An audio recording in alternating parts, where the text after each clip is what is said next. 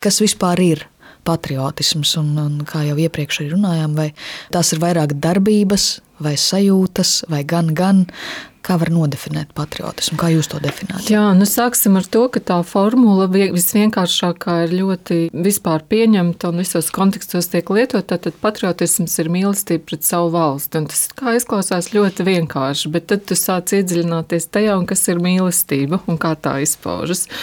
Un otrs, tad, tu, protams, arī sāc domāt par tām attiecībām ar valsti. Un, ja to sāk šķetināt vaļā, tad, protams, tur ir dažādas variācijas interpretācijas interpretācijas, un, un vai tās ir emocijas, vai tā ir darbība. Un es teiktu īstenībā, ka abi. Un, teiksim, tas, ko es no savas puses cenšos darīt, vairāk popularizēt, un skaidrot un stāstīt par šo pilsoniskā patriotismu koncepciju, kas liek akcentu tieši uz tādām demokrātiskām un republikāniskām vērtībām. Un tur, protams, ir radniecīga arī šī pilsoniskās līdzdalības vai politiskās līdzdalības koncepcija. Un tas ir ļoti līdzīgi kaut kādā ziņā, bet es domāju, tieši ja šis patriotisms, viņš tam piedod to emocionālo dimensiju, nu, ka tas aug no tām tomēr tavām dziļākajām saknēm, no tās piederības vietai, kultūrai, tai telpai. Un tur ir šis te kaut kāds arī iracionalitātes elements. Un man liekas, tas to padara tomēr nu, spēcīgāku nekā tikai tīri šī apziņa par šo pilsonisko mm. politisko līdzdalību. Ja mēs savukārt atskatāmies uz šo aizvadīto gadu, Ukrainā karš, kā jūs vērtējat, vai šie ģeopolitiskie notikumi sabiedrībā ir vairojuši vai, vai kaut kā citādi ietekmējuši patriotismu, arī to pilsonisko patriotismu? Jā, nu, kopumā patriotisms ir, protams, arī ļoti neviennozīmīga koncepcija. Jo, teiksim, no vienas puses, jā, šī mīlestība pret valsti tevi mudina rīkoties nesautīgi kopējā labuma vārdā. Bet no otras puses, un arī vēsturē ir piemēri, un arī ne vēsturē, bet mūsdienās ir piemēri, ka tas var pāraukt šovinismā.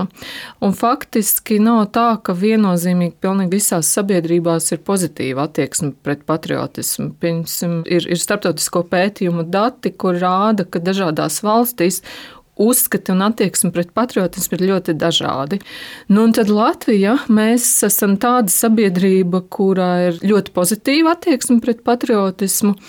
Un arī kura sevi vērtē kā ļoti patriotisku. Jo, ja mēs skatāmies, ir dažādi pētījumi veikti par patriotismu Latvijā ar līdzīgiem jautājumiem un ar zināmu laika distanci pirms desmit gadiem un arī tuvāk mūsdienām.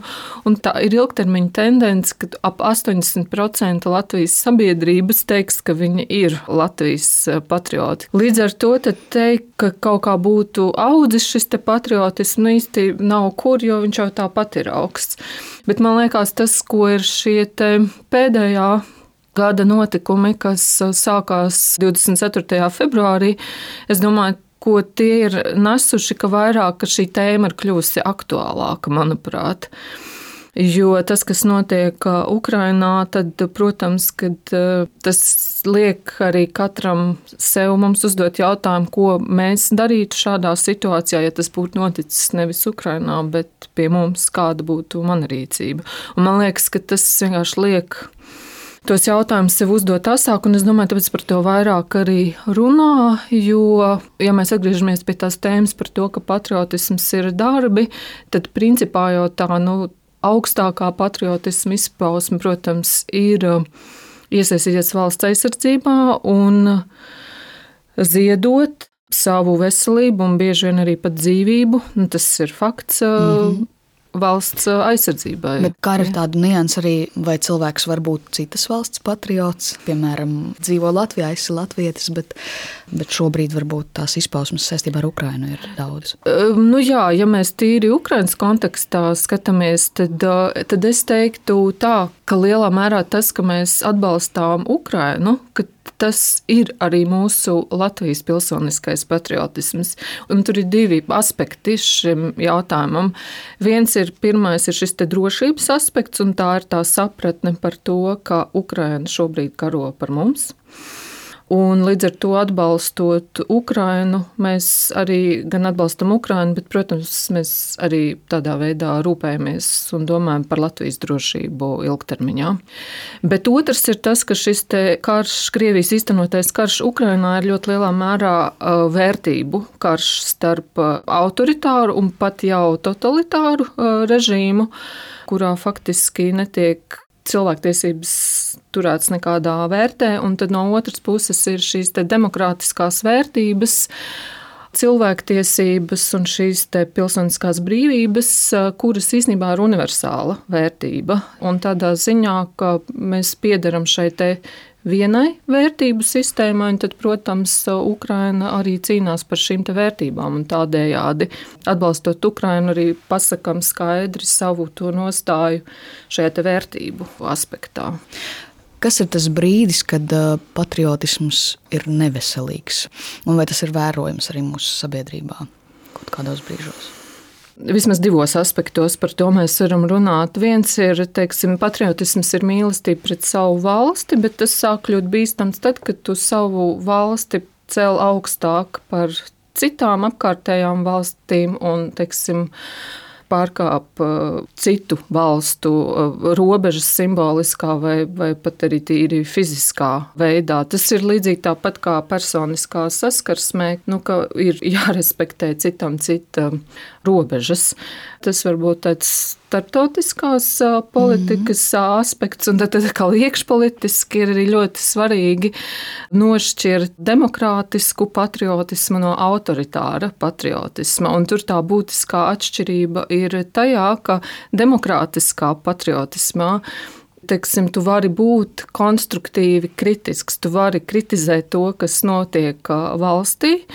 Bet, protams, es te lieku klāt konstruktīvi, tādā nozīmē, ka jā, es redzu, es runāju par šīm problēmām, bet arī tur, tur parādās tā mana pilsoniskā iesaiste un atbildība, bet tad es piedāvāju arī, kā varētu darīt labāk. Nevis vienkārši noniecinu, ka viss ir slikti, kas ir diezgan raksturīgi Latvijas sabiedrībai, bet jā, šeit nav labi, bet to vajadzētu darīt tā un tā, un es arī mēģinu kaut ko darīt kaut vai kaut kādā kopienas līmenī, vai pašvaldības līmenī, vai kā citādi.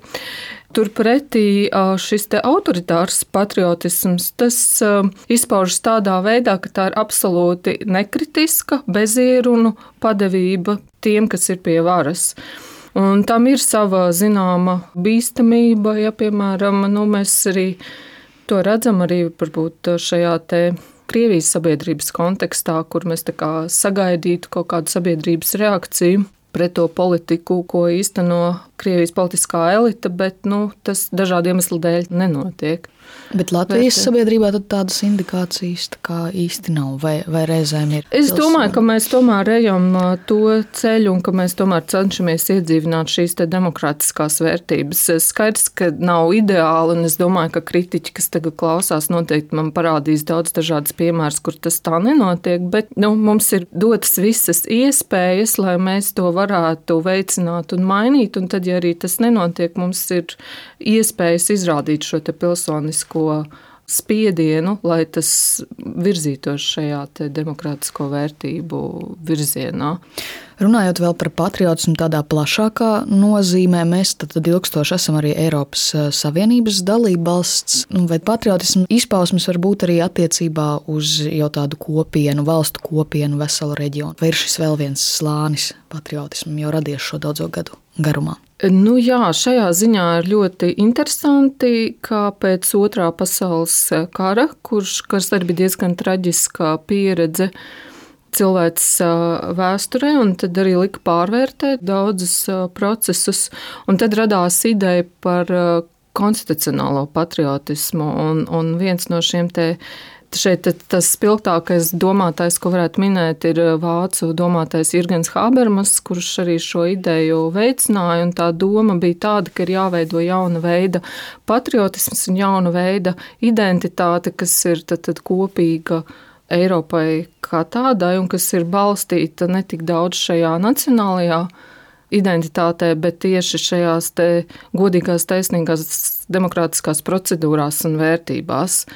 Es domāju, ka pilnīgi, pilnīgi no, no otras puses, pilnīgi atteikties no tā, ka ir tomēr katrai valstī ir arī šī sava nacionālā identitāte. Es domāju, ka tas nav iespējams, bet man liekas, ka šie aspekti var sadzīvot. Un tad, piemēram, es varbūt mazliet var pastāstīt par pētījumu, ko mēs veicām kopā ar kolēģiem no Vidzemes augstskolas un Rīgas Stradiņu universitātes par to, kā teiksim, šīs te dažādas identitātes veidojas mūsu jauniešos.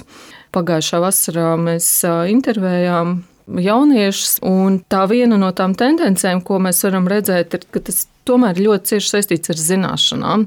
Jo bija tādi mums respondenti, kuri nebija bijuši pat īsti ārpus savas lokālās dzīves vietas eh, robežām, pat lāga nebija ceļojuši par Latviju. Un tad, protams, ir ļoti izteikta īstenībā šī tepat pilsētas identitāte.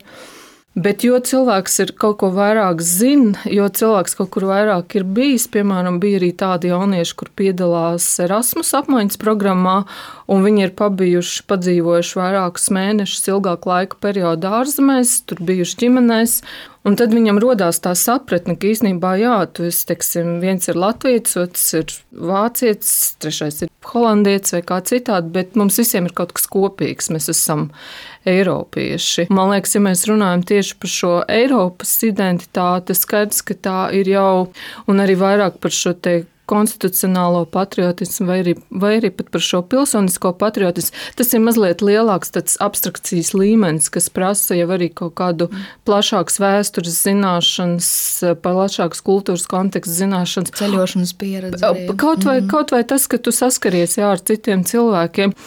Bet tad, nu, teiksim, tajā pilsoniskā patriotisma kontekstā viena no izpausmēm ir dalība arī vēlēšanās, tad droši vien arī kaut kāds rādītājs ir iedzīvotāju līdzdalības līmenis Eiropas parlamenta vēlēšanās, kas ir ļoti zems.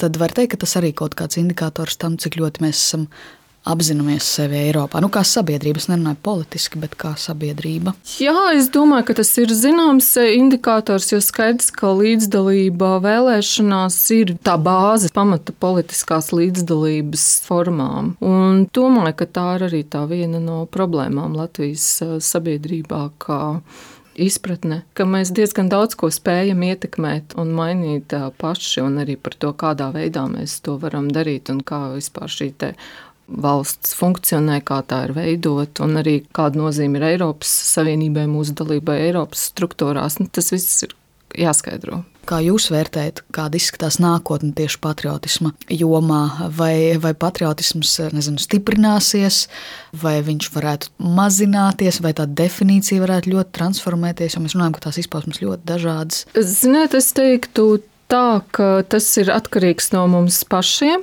To var mērķiecīgi veidot, un, un veicināt un attīstīt. Un, ja mēs sapratīsim, ka mums ir vajadzīgs šāds pilsoniskais patriotisms, ja mēs par to vairāk runāsim mācību iestādēs, ja mēs par to vairāk uh, skaidrosim un apzināsimies to nozīmi, kāpēc tas ir svarīgi tad tas būs. Tāpēc es arī šo pilsoniskā patriotismā koncepciju cenšos arī popularizēt. Šajā valsts institūta ziņā, protams, mēs esam demokrātiska valsts, bet ja mēs runājam tīri par šīm ikdienas eh, demokrātisko vērtību izpratni sabiedrībā, tad tur es domāju, ka mēs vēl esam diezgan lielā deficītā. Kaut vai sākot ar to, ka varbūt nepietiekami arī apzināmies to vērtību, ko nozīmē, ka mums ir šīs pamata brīvības pulcēties, paust savu viedokli, aizstāvēt kaut kādas savas idejas. Nu, protams, atkal būs kritiķi, kas teiks, ka tā nav, bet viss ir par to pakāpi, nu, cik lielā mērā tu vari kaut ko darīt. Un, un otrs arī, ne, ja mēs skatāmies līdzdalības līmenis politiskajās partijās salīdzinoši, tad Latvija ir tā valsts, kur ir viens no zemākiem politisko partiju biedru skaitiem. Tāpat arī nevalstiskajās organizācijās mēs nepārāk aktīvi darbojamies. Un man liekas, ka ir svarīgi veidot tieši šo izpratni un to apziņu tādā cilvēka individuālā līmenī.